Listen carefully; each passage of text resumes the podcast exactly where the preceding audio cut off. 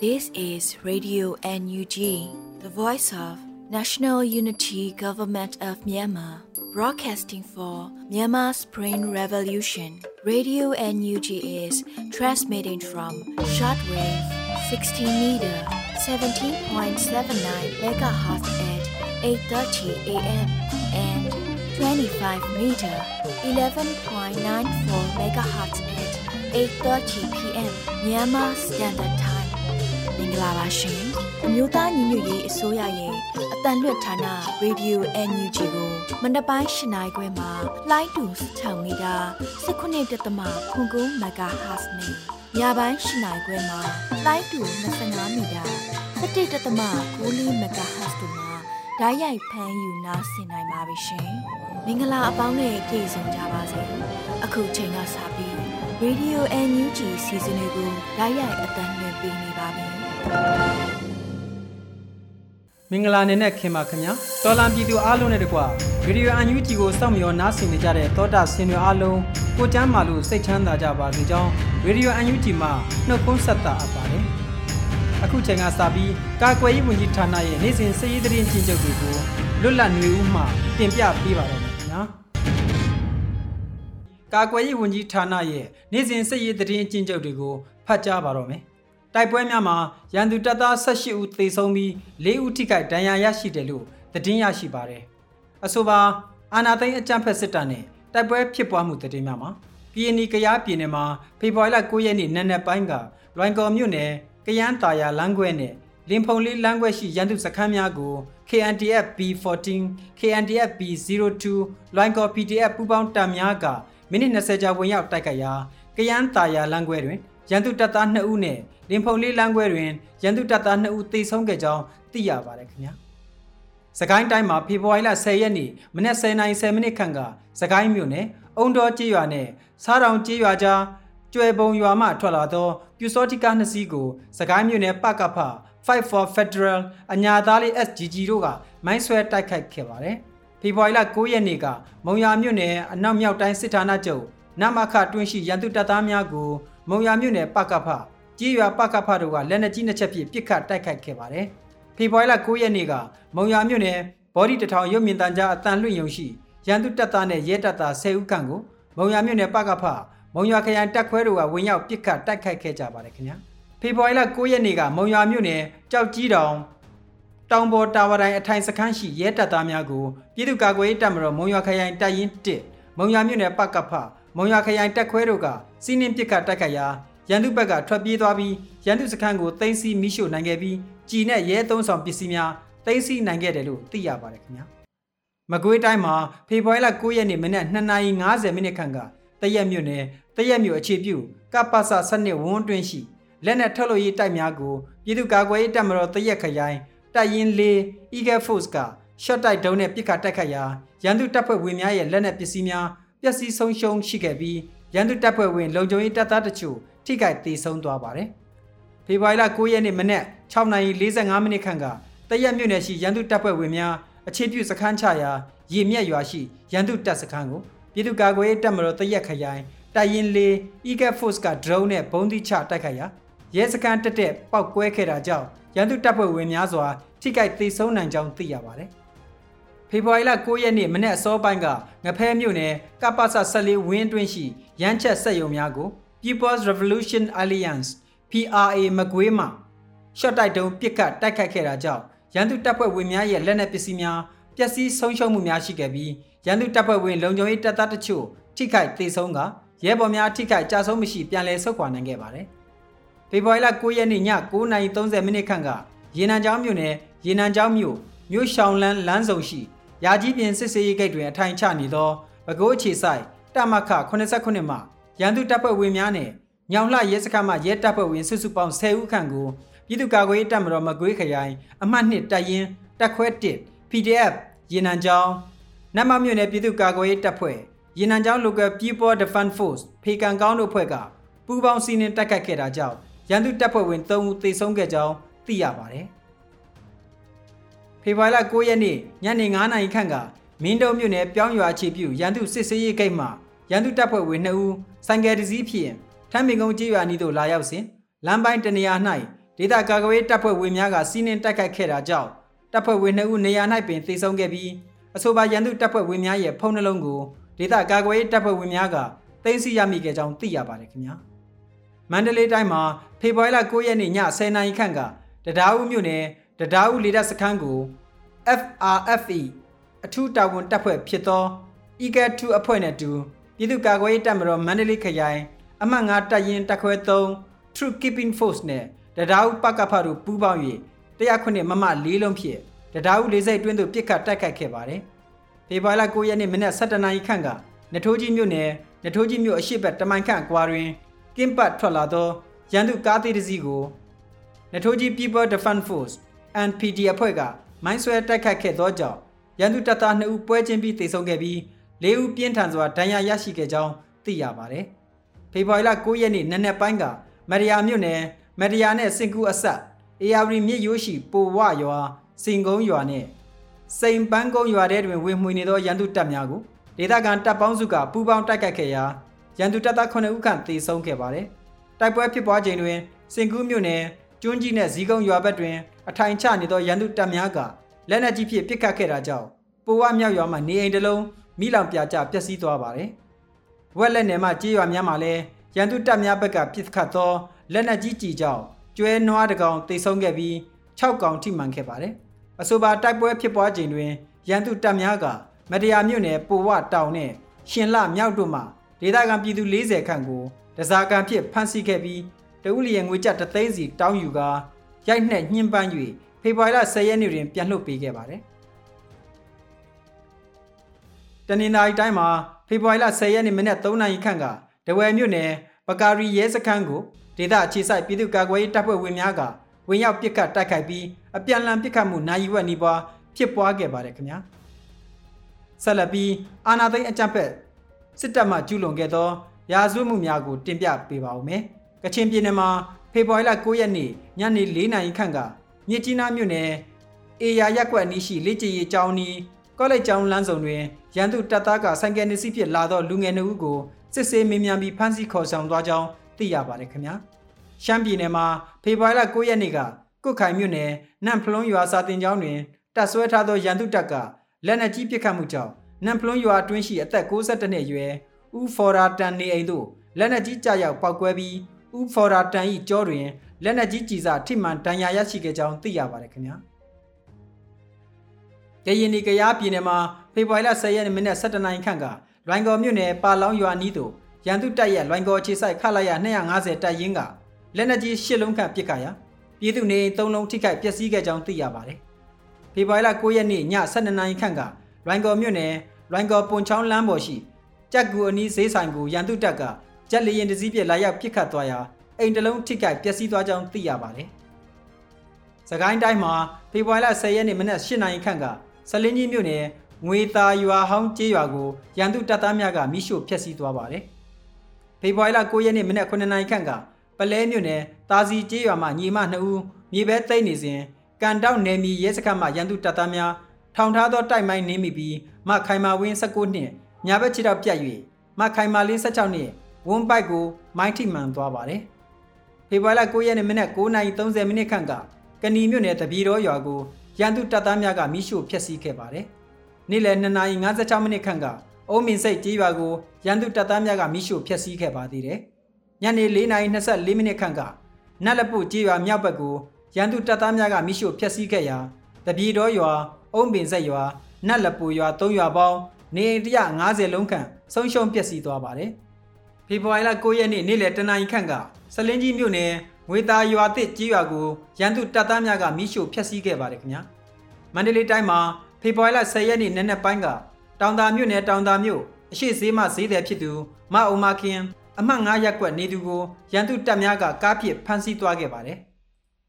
။ဖေဖော်ဝါရီလ10ရက်နေ့မနက်9:00နာရီခန့်ကမြင်းကြံမြို့နယ်ကြောက်ကံရွာမှပြူစောတိများကုတ်ကဲရဲစခန်းမှရဲများနဲ့စစ်သားများသည်အင်အား20ခန့်ဖြင့် ဖက်ရင်ရွာဘက်သို့တစ်ဖွဲ့တောပုရွာသို့တစ်ဖွဲ့ကြောက်ကံရွာဘက်သို့တစ်ဖွဲ့စုစုပေါင်းအင်အား80ဦးဖြင့်တောနှင်းခဲ့ကြပြီးလေးတန်းရွာမှတစ်ဖွဲ့ကကဒက်ပင်ရွာလေးတန်း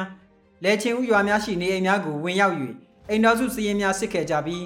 တောသို့တောင်ရလုပ်ငန်းသွားလုပ်သည့်တကားပိတ်ထားသည့်နေအိမ်များကိုတကားများရိုက်ချိုးဝင်ရောက်ခဲ့ကြပြီးရှာဖွေစစ်ဆေးခဲ့ပါတယ်။ကိုဇော်ထွန်းနဲ့ဇနီးမရင်မိုးလေးတန်းရွာတို့၏နေအိမ်မှအိမ်တော်စုဇရာနဲ့တိန်းသားသည့်လက်စွပ်တကွင်းကိုယူသွားခဲ့ပြီး မတ်နွဲ့ကုံစုံဆိုင်လဲချင်းဦးရွာမှကြက်တသိန်း6000ကိုလည်းယူသွားခဲ့ပါတယ်။ကြက်ပင်ရွာမှကိုမျိုးညွန့်နဲ့ဇနီးမဆန်းတို့၏ပိုက်ဆံစုပူးထက်မှကြက်9သိန်းကျော်ကိုအိမ်သားများရှိတွင်ရိုက်ခွဲယူသွားခဲ့ပါတယ်။ကြက်ပင်ရွာမှကိုကျော်သက်တူမအတွက်ဆွဲကြိုးဝယ်ပေးရန်ဆုထားသည့်ပိုက်ဆံစုပူးတို့ကိုယူသွားကာအိမ်အသုံးဆောင်ဖြစ်သည့်ဖက်လုံးမှုရများကိုဓာတ်ပြစ်ခွဲဖြက်စီးသွားခဲ့ပါတယ်။လေးတန်းရွာကြက်ပင်ရွာလဲကျင်ဦးရွာများမှအမျိုးသားများကိုလေးတန်းရွာရှိ ကိုတော်ပြည့်ဖျားဝင်းရှိတွင်ဖမ်းခေါ်လူစုကာ PDF များကိုလက်မခံရန်နဲ့ထောက်ပံ့မှုမပြုလုပ်ရန်ပြောကြားခဲ့ပြီးလက်ခံထောက်ပံ့မှာကနေအိမ်မိရှို့တပ်ဖြတ်မယ်လို့ချိန်ချောက်ခဲ့ပါတယ်။ဖေဖော်ဝါရီလ9ရက်နေ့တွင်ဖမ်းဆီးခဲ့ပြီးပြန်လွတ်ပေးခဲ့သည့်လေးတန်းရွာမှမတ်တုတ်ကြီးကိုလည်းထပ်မံဖမ်းဆီးခေါ်ဆောင်သွားပါတယ်။ဖေဖော်ဝါရီလ9ရက်နေ့ည8နာရီခန့်ကတောင်တာမြို့နယ်ရုံးစီကြီးကျေးရွာရှိ NLD ရကြေးဥက္ကဋ္ဌဦးမောင်မြင့်နဲ့ရန်သူဘက်ကခန့်အပ်ထားသည့်ယာယီမှုကိုတန်းစော်တို့ကိုရန်သူတပ်သားများကဖမ်းဆီးခဲ့ပါတယ်ခင်ဗျာ ယခုဖော်ပြပေးခဲ့တဲ့သတင်းတွေကိုမြေပြင်သတင်းတာဝန်ခံတွေနဲ့ခိုင်လုံသောမိဘသတင်းရင်းမြစ်များမှအခြေခံပြုစုတင်ပြခဲ့တာဖြစ်ပါတယ်ခင်ဗျာ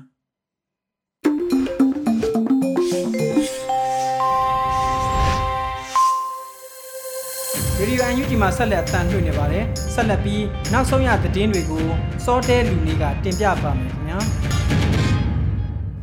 မင်္ဂလာပါအခုချိန်ရစပြီးမနက်ပိုင်းပြည်တွင်သတင်းများကိုစတင်တင်ပြပေးပါတော့မယ် ပထမအဦးဆုံးအနေနဲ့ဂျာမနီနိုင်ငံဖက်ဒရယ်နိုင်ငံသားရေးယုံဝင်ကြီးနဲ့ NUG နိုင်ငံသားရေးယုံဝင်ကြီးဒေါ်စင်မအောင်တို့၃ချိန်မြောက်တွေ့ဆုံဆွေးနွေးတဲ့သတင်းကိုတင်ပြပေးသွားပါမယ်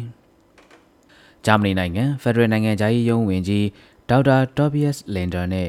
NUG နိုင်ငံသားရေးဝန်ကြီးဒေါက်တာစင်မအောင်တို့၃ချိန်မြောက်တွေ့ဆုံဆွေးနွေးခဲ့တယ်လို့ဖေဖော်ဝါရီလ၈ရက်နေ့က Twitter မှာဂျာမနီနိုင်ငံဖက်ဒရယ်နိုင်ငံသားရေးဝန်ကြီးဒေါက်တာတိုဘီယက်လင်ဒါကအသိပေးဆိုထားပါတယ်။ မြန်မာနိုင်ငံအတွက်ငြိမ်းချမ်းရေးဒီမိုကရေစီအနာဂတ်အတွက် NUG အစိုးရကဝင်ကြီးဒေါ်စင်မအောင်နဲ့တနှစ်တာအတွင်း၃ချိန်မြောက်ဗီဒီယိုကောခေါ်ဆိုမှုပြုလုပ်ခဲ့တယ်လို့ဆိုထားပါတယ်။မြန်မာနိုင်ငံတွင်စစ်အာဏာရှင်တို့၏အကြမ်းဖက်မှုအဆုံးသတ်ရန်လိုအပ်ကြောင်းသဘောတူညီခဲ့ကြတယ်လို့လည်းအသိပေးဆိုထားကြောင်းသတင်းရရှိပါရခင်ဗျာ။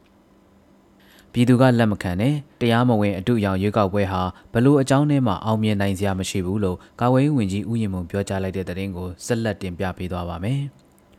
ပြည်သူကလက်မကန်တဲ့တရားမဝင်အတူရောင်ရွေးကောက်ပွဲဟာဘလို့အကြောင်းနဲ့မှအောင်မြင်နိုင်စရာမရှိဘူးလို့ကာဝေးဝင်ကြီးဦးရင်မွန်ကအစာဟိရှင်ပွန်သတင်းစာရဲ့အမေကွန်များကိုဖေဖော်ဝါရီ2ရက်နေ့မှာဖြေကြားရမှာထည့်သွင်းပြောကြားခဲ့တာဖြစ်ပါတယ်။ပြည်သူကလက်မခံတဲ့တရားမဝင်အတူရောင်ရွေးကောက်ပွဲဟာဘလို့အကြောင်းနဲ့မှအောင်မြင်နိုင်ကြလည်းမရှိပါဘူးစစ်တပ်ရဲ့ထုံးစံအတိုင်းလိန်ညာလှည့်စားတဲ့အချက်လက်အလွဲမှားတွေနဲ့ရွေးကောက်ပွဲကျင်းပပြီးကြောင်းထုတ်ပြန်ကြေညာတာမျိုးတော့လုပ်နိုင်ပါတယ်ဒီအတွက်လည်းကျွန်တော်တို့ဘက်ကအဆအဆကြိုတင်ပြင်ဆင်ထားပြီးဖြစ်တယ်လို့လိုအပ်တယ်လို့တုံ့ပြန်ဆောင်ရွက်သွားပါမယ်လို့ကာကွယ်ရေးဝန်ကြီးကဆိုထားပါတယ်ဒါအပြင်စစ်ကောင်စီရဲ့အတူရောင်ရွေးကောက်ပွဲဟာမြန်မာနိုင်ငံရဲ့ပြဿနာများကိုမဖြေရှင်းနိုင်တဲ့အပြင်ပုံမိုရှုပ်ထွေးခက်ခဲစေမှာဖြစ်တယ်လို့ဝန်ကြီးကဆိုထားကြောင်းသတင်းရရှိပါရခင်ဗျာ အမျိုးသားညီညွတ်ရေးဆိုရာဂျာကာလာဒေသန္တရပြည်သူ့အုပ်ချုပ်ရေးဖော်ဆောင်မှုဗဟိုကော်မတီနှင့်စကိုင်းတိုင်းမကွေးတိုင်းပြည်သူ့အုပ်ချုပ်ရေးအဖွဲ့များတွဲဆုံဆွေးနွေးတဲ့တဲ့ရင်ကိုတင်ပြပေးသွားပါမယ်။ဖေဖော်ဝါရီလ10ရက်နေ့ကအမျိုးသားညီညွတ်ရေးဆိုရာဂျာကာလာဒေသန္တရပြည်သူ့အုပ်ချုပ်ရေးဖော်ဆောင်မှုဗဟိုကော်မတီနှင့်စကိုင်းတိုင်းမကွေးတိုင်းပြည်သူ့အုပ်ချုပ်ရေးအဖွဲ့များတွဲဆုံပွဲအစည်းအဝေး6မြင်းဆောင်2023ကိုကျင်းပခဲ့ပါတယ်။အစည်းအဝေးကိုဂျာကာလာဒေသန္တရပြည်သူ့အုပ်ချုပ်ရေးဖော်ဆောင်မှုကော်မတီအဖွဲ့ဝင် အလုံသမားဝင်ကြီးဌာနပြည်ထောင်စုဝင်ကြီးနိုင်ထွန်းဖေခနိုင်သူဝနမှအဖွဲ့မှစကားပြောကြားခဲ့ပါတယ်။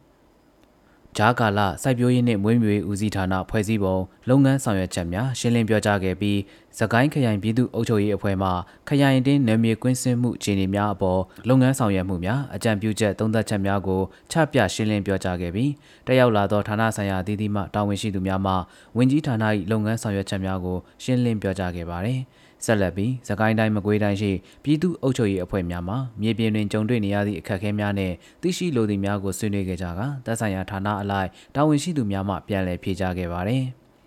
အဆိုပါစည်းဝေးသို့ဂျာကာလာဒေသနာပြည်သူ့အုပ်ချုပ်ရေးပေါ်ဆောင်မှုဗဟိုကော်မတီအဖွဲ့ဝင်ပြည်ထောင်စုဝင်ကြီးများဒုတိယဝင်ကြီးများအမြဲတမ်းတွင်ဝင်များတွဲဖက်အမြဲတမ်းအတွင်းဝင်များဌာနဆိုင်ရာအသီးသီးမှတာဝန်ရှိသူများစကိုင်းတိုင်းမကွေးတိုင်းပြည်သူ့အုပ်ချုပ်ရေးအဖွဲ့ခေါင်းဆောင်များအဖွဲ့ဝင်များတက်ရောက်ခဲ့ကြကြောင်းတင်ပြရရှိပါရခင်ဗျာ အခုဆက်လက်တင်ပြပေးမှာကတော့ရုပ်ပိုင်းဆိုင်ရာလုံခြုံမှုအသိပညာအတတ်ပညာနဲ့စီးပွားရေးဆိုင်ရာလုံခြုံမှုများကင်းမဲ့နေခြင်းသည်လူမျိုးတစ်မျိုးအဖြစ်ဂုံတိတ်ခါရှိရှိဖွံ့ဖြိုးတိုးတက်လာရန်လုံးဝမဖြစ်နိုင်ကြောင်း KNU ဥက္ကဋ္ဌဗိုလ်ချုပ်ကြီးစောမူတူးစေဖို့ကပြောကြားခဲ့တဲ့သတင်းကိုတင်ပြပေးသွားမှာဖြစ်ပါတယ်။ဖေဖော်ဝါရီလ17ရက်နေ့မှာကြာရောက်မယ်85နှစ်ပြည့်စိန်ရတုကရင်အမျိုးသားနေ့သို့ပြောကြားသောမိန့်ခွန်းမှာ KNU ကရင်မျိုးသားစီယုံဥက္ကဋ္ဌဗိုလ်ချုပ်ကြီးစောမူတူစေဖို့မှအခုလိုထည့်သွင်းပြောကြားခဲ့တာဖြစ်ပါတယ်။ ကရင်မျိုးသားများ၏ဂုံတိတ်ခါအရှိန်အဝါဂုံတရင်နှင့်ကြီးကျယ်ခမ်းနားမှုများကိုလည်းကဘာအထိထင်ပေါ်ကျော်ကြားစေခဲ့ကြောင်းရုပ်ပိုင်းဆိုင်ရာလုံခြုံမှုအသိပညာအတတ်ပညာနှင့်စီးပွားရေးဆိုင်ရာလုံခြုံမှုများကင်းမဲ့နေခြင်းသည်လူမျိုးတစ်မျိုးအဖြစ်ဂုံတိတ်ခါရှိရှိဖွံ့ဖြိုးတိုးတက်လာရန်လုံးဝမဖြစ်နိုင်ကြောင်းပြန်လည်အောက်မေ့သတိရှိနေရန်လိုအပ်တယ်လို့ဆိုထားပါတယ်။ ဒါအပြင်လုံခြုံမှုရှိပြီးတည်ငြိမ်အေးချမ်းသည့်ကရင်မျိုးသားတို့၏အနာဂတ်ဘဝတရားလှပရေးအတွက်ကရင်မျိုးသားအချင်းချင်းကြားကရင်မျိုးသားအဖွဲ့အစည်းများအချင်းချင်းကြားမှန်ကန်သည့်မျိုးချစ်စိတ်ဓာတ်ကိုအခြေခံဖို့လည်းတိုက်တွန်းဆိုခဲ့ကြောင်းတင်ရရှိပါရခင်ဗျာမန္တလေးမြို့ချမ်းမြသာစီမြို့နယ်68လမ်းမန္တလာသတိအားကစားကွင်းအရှိပံစက္ကစဂိတ်စခန်းအားဘုံဖြင့်တိုက်ခတ်ရာဗိုလ်တအူးပါဝင်၄ဦးထိခိုက်ခဲ့တဲ့တဲ့ရင်ကိုဆက်လက်တင်ပြပေးပါမယ်။ဖေဖော်ဝါရီလ၁ရက်နေ့မှာ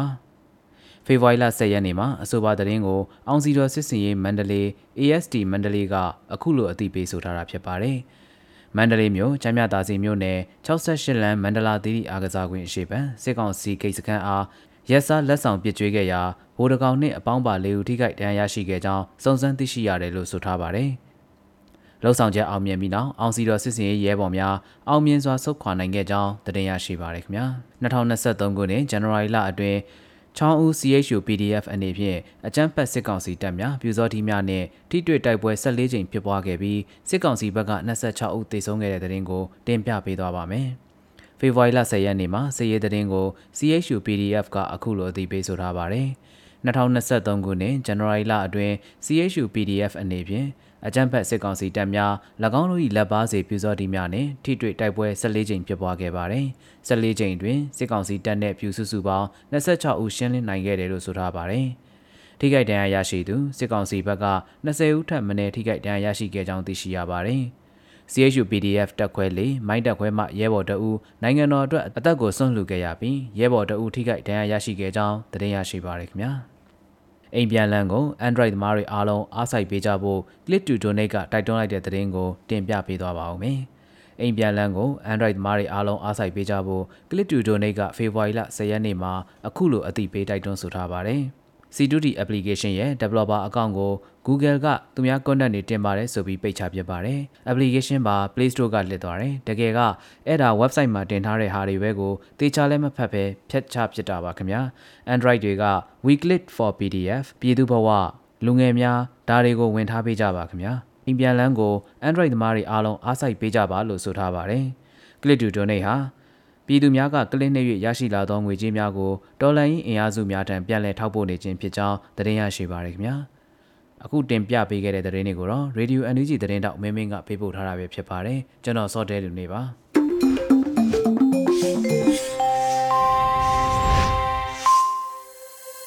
ရေဒီယိုအန်ယူဂျီရဲ့ဖေဖော်ဝါရီလ17ရက်နေ့ထုတ်လွှင့်မှုအစီအစဉ်တွေကိုနားဆင်နေကြတာဖြစ်ပါတယ်။ဆက်လက်ပြီး PPTV ရဲ့နေ့စဉ်သတင်းများကိုတော့ Rain ကတင်ပြပေးပါဦးမယ်ခင်ဗျာ။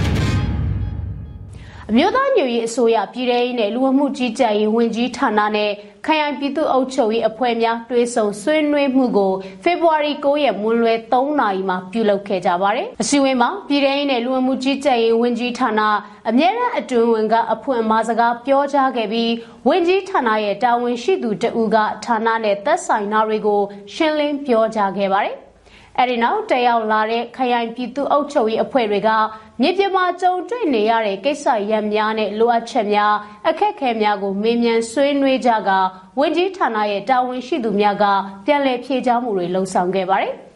အဆိုပါစီဝေးသို့အမြဲတမ်းအတွင်းမှဦးဆောင်ကပြည်သူ့အုပ်ချုပ်ရေးဦးစီးဌာနပြည်သူ့ရဲတပ်ဖွဲ့မိသက်ဦးစီးဌာနလူအမှုကြီးကြပ်ရေးဦးစီးဌာန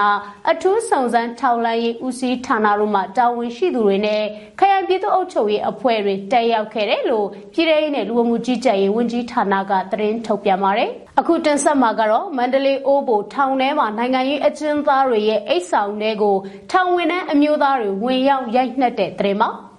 နိုင်ငံရေးအကျဉ်းသားတွေကိုနှိပ်စက်ညှဉ်းပန်းမှုတွေပြုလုပ်နေကြဖြစ်တဲ့မန္တလေးအိုးဘိုထောင်ထဲမှာနိုင်ငံရေးအကျဉ်းသူတွေရဲ့အိတ်ဆောင်တွေကိုထောင်ဝင်တဲ့အမျိုးသားတွေဝင်ရောက်ရိုက်နှက်ခဲ့ပါတယ်။ဒီဖြစ်စဉ်ကဖေဖော်ဝါရီ3ရက်မွန်းလွဲ3:50ခန့်မှာဖြစ်ပွားခဲ့တာဖြစ်ပြီးအမျိုးသမီးအိတ်ဆောင်တဲ့အကျဉ်းသူအချင်းချင်းရန်ဖြစ်တာကိုဖြေရှင်းပေးတာမရှိဘဲနဲ့ထောင်ဝင်တဲ့အမျိုးသားတွေကဝင်ရောက်ရိုက်နှက်ခဲ့တာဖြစ်တယ်လို့သတင်းရင်းမြစ်တွေကပြောပါတယ်။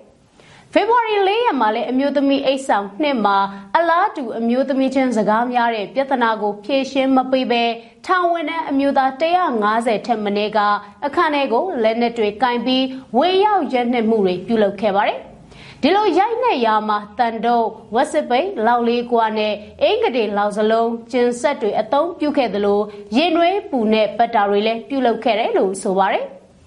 စစ်ကောင်စီလက်ပါစဉ်အိုးပိုအကျဉ်းထောင်ဝန်ထမ်းတွေရဲ့နိုင်ငံရေးအကျဉ်းသူတွေကိုအကြမ်းဖက်တဲ့ဖြစ်စဉ်မှာအကျဉ်းသူ6ဦးကောင်းကွဲတန်ရာ2ဦးကနရွက်ပြက်ရှတန်ရာနဲ့3ဦးကမျက်လုံးအနီး၄ကွာမှန်တန်ရာ80ဦးကလောက်၄ကွာထိမှန်တန်ရာမျက်မှန်ကွဲပြီးမျက်လုံးနဲ့မှန်ဆောက်ဝင်သူလက်ကျိုးသူ2ဦးစီရှိတယ်လို့သိရပါတယ်။ ဆက်လက်တင်ဆက်ပေးမှာကတော့ရခိုင်တပ်တော် AA နဲ့ညီနောင်မဟာမိတ်၃ဖွဲ့ကမုံရွာလူထုတပိတ်ကမ္ဘာတီနှစ်နှစ်ပြည့်အခမ်းအနားသို့တဝင်လွှာပေးပို့တဲ့သတင်းမှာစကိုင်းတိုင်းမုံရွာလူထုတပိတ်တိုက်ပွဲဥဆောင်ကော်မတီဖွဲ့စည်းလှုပ်ရှားမှုနှစ်နှစ်ပြည့်အခမ်းအနားကိုဖေဖော်ဝါရီ9ရက်ကပြုလုပ်ခဲ့ရာ ရခိုင်တပ်တော် ULAAA PSLF TNLA MNTJP MNDAA စတဲ့ညီနောင်မဟာမိတ်၃ဖွဲ့ကတဝန်လွှာပေးပို့ခဲ့ကြောင်း၎င်းတို့ရဲ့ထုတ်ပြန်ချက်တွေအရသိရပါတယ်။အဆိုပါထုတ်ပြန်ချက်မှာညီနောင်မဟာမိတ်၃ဖွဲ့အနေနဲ့ပြည်သူလူထုအားလုံးတို့ရဲ့နိုင်ငံရေးဆန္ဒမျှော်မှန်းချက်များကိုအမြဲတမ်းလေးစားအသိမှတ်ပြုကြောင်းဘုံရက်တီချက်ဘုံရီမှန်းချက်တူညီသောသူများနဲ့တသားတဲ့အတူရက်တီနေကြောင်းຫນွေဦးတော်လိုင်းရေးကာလအတွင်းအသက်သွေးချွေရင်းနှီးပေးဆက်တိုက်ပွဲဝင်နေကြသူများအလုံးကို စာနာနားလည်စွာဖြင့်အတက်နိုင်ဆုံးဆက်လက်ကူညီပံ့ပိုးသွားမှာဖြစ်ကြောင်းထုတ်ပြန်ချက်မှာဖော်ပြထားတာတွေ့ရပါတယ်။2022ခုနှစ်အတွင်းကရခိုင်ပြည်နယ်မှာအကြမ်းဖက်စစ်တပ်နဲ့အေအေတို့အကြားထိတွေ့တိုက်ပွဲများပြန်လည်ဖြစ်ပွားခဲ့ပေမဲ့2022ခုနှစ်နိုဝင်ဘာ26ရက်နေ့မှာတော့အေအေအနေနဲ့ရခိုင်ပြည်သူတွေကိုစဉ်းစားပြီးလူသားချင်းစာနာမှုဆိုင်ရာအပြစ်ခတ်ရက်စဲမှုကိုအကြမ်းဖက်စစ်တပ်နဲ့ပြုလုပ်ခဲ့ပါတယ်။ဆက်လက်တင်ဆက်မှာကတော့ ရှပရွန်ရေနံကုမ္ပဏီရတနာသဘာဝတံငွေလုပ်ငန်းကထွက်ခွာဖို့ပြင်ဆင်နေတဲ့သတင်းမှာအမေရိကန်အခြေစိုက်ရှပရွန်ရေနံကုမ္ပဏီဟာမြန်မာနိုင်ငံကရတနာသဘာဝတံငွေလုပ်ငန်းမှာထည့်ထားတဲ့အစုရှယ်ယာတွေကိုရောင်းချဖို့ပြင်ဆင်နေပြီဖြစ်တယ်လို့နိုင်ငံတကာစွမ်းအင်သတင်းတွေမှာဖော်ပြနေကြပါတယ်။ Chevron ဟာသူ့ရဲ့ share တွေကိုကနေဒါရေနံကုမ္ပဏီ MTI Energy လက်အောက်ခံကုမ္ပဏီတစ်ခုကိုရောင်းချဖို့သဘောတူလိုက်ပြီဖြစ်တယ်လို့ဖော်ပြကြပါတယ်။ Chevron ရဲ့ share တွေကို MTI Energy က သူ့ရဲ့နိုင်ငံခြားကုမ္ပဏီတွေအခွန်ကင်းလွတ်ခွင့်ရရှိပြီးလျှို့ဝှက်တဲ့စီရင်ပိုင်ခွင့်နယ်မြေဖြစ်တဲ့ဗြိတိန်ပိုင်ဘာမြူဒါဒေသက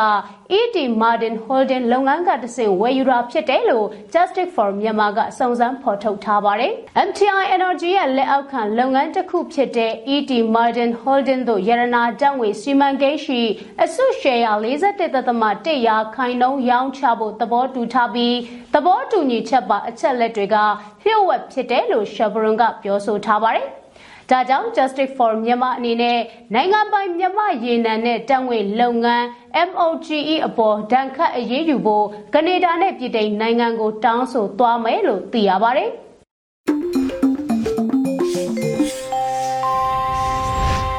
အခုဆက်လက်ထုတ်လွှင့်မဲ့တိုင်းရင်းသားဘာသာအစီအစဉ်မှာ ချိုးချင်းဒိုင်းဘာသာသတင်းထုတ်လွှင့်မှုကိုတင်ဆက်ပေးလိုက်ပါတယ်ဒီအစီအစဉ်ကိုချိုးချင်းဘာသာထုတ်လွှင့်မှုအဖွဲ့နဲ့ရေဒီယိုအန်ယူဂျီတို့ကပူးပေါင်းတင်ဆက်ထားတာဖြစ်ပါတယ်ခင်ဗျာ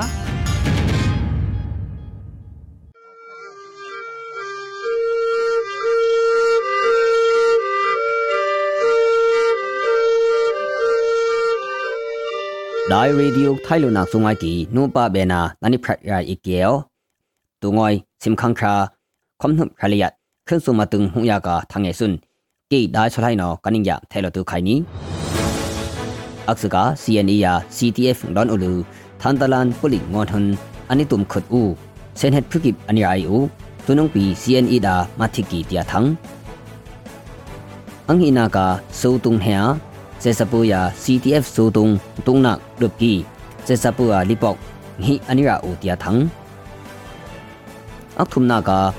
so tung tung na rup ki se sapua lipok hi anira u tia thang ak thum na ka se sapua min tam lu wan kot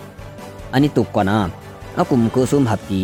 ha sen putia khak phu ani aman u tia thang pi ningai khayeni ak phu na ka NUG Foreign Affairs Minister PC Maong UK Foreign Affairs Minister Huwa ki tia thange nia ngai khayeni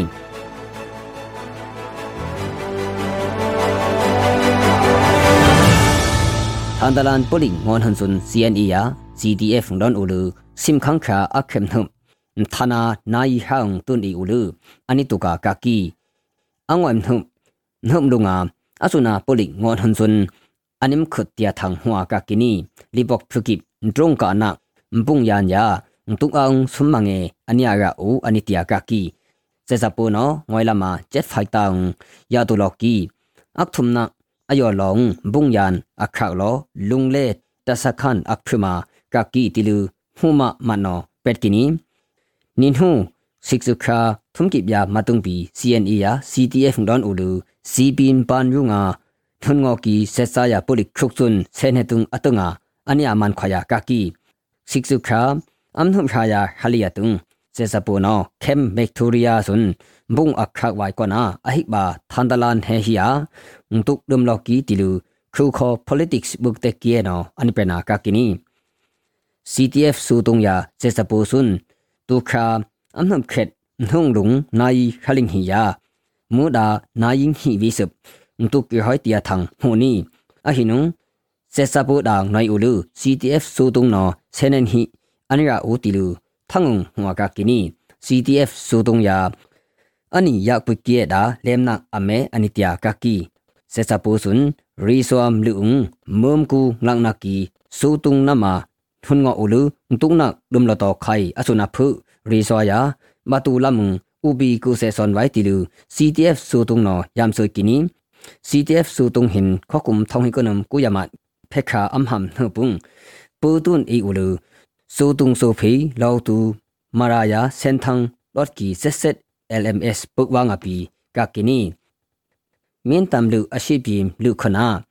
ลือวานะกอมตดกีเซซาปูอันนี้อตุกนา เจสปูนอครักพูอันยามันเตียทังหงอย่างนี้ตุคาอักเข็มหึงวยละมาอันยาตุกูเจสามัดทิกีอันิตีสุนงปีเป็นไวคักกีมลุอุมายาสุเซตเกียติลูมลุมามันนอเป็ดกินีอาหินามลุมกดอันิตุกอนาเซนเฮตอึมอันิกะหัวพุ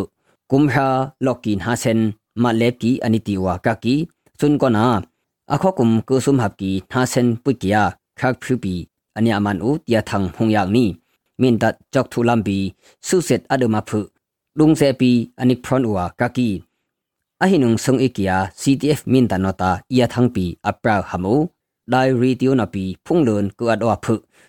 ပ်ပါကီနီအနင်း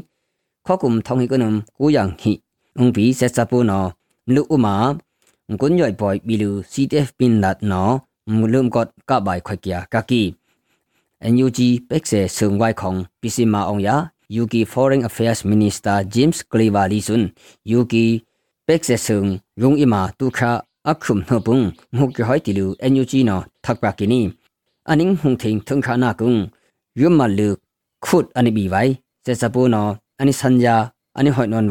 ဝိုင်ခမ်ယုဒီကေဖုထိုနာကေပွိကီတီလူမင်းနစ္စတာပစီမာအောင်နော်အပနာကကီမင်းနစ္စတာပစီမာအောင်ဆွန်ယူကီယာအဝေအမုံအခ